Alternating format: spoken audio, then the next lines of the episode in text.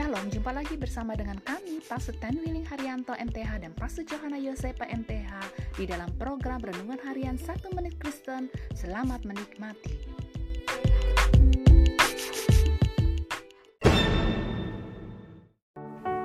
Shalom saudara-saudara yang sangat berharga di hati Tuhan. Hari ini firman Allah mau mengingatkan kepada kita bahwa kematian adalah sebuah pertemuan. Ketika Yakub mati, maka ia dikuburkan bersama-sama dengan Abraham dan Ishak di Goa Makpela yang telah dibeli oleh Abraham. Kematian adalah sebuah pertemuan dengan orang-orang yang kita kasihi yang telah mendahului kita.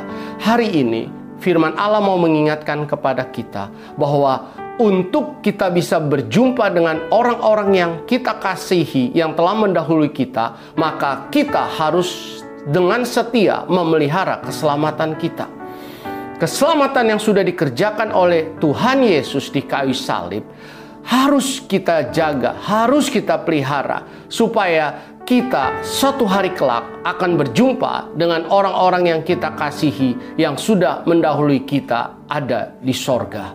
Peliharalah keselamatanmu, jangan melakukan dosa kembali. Amin.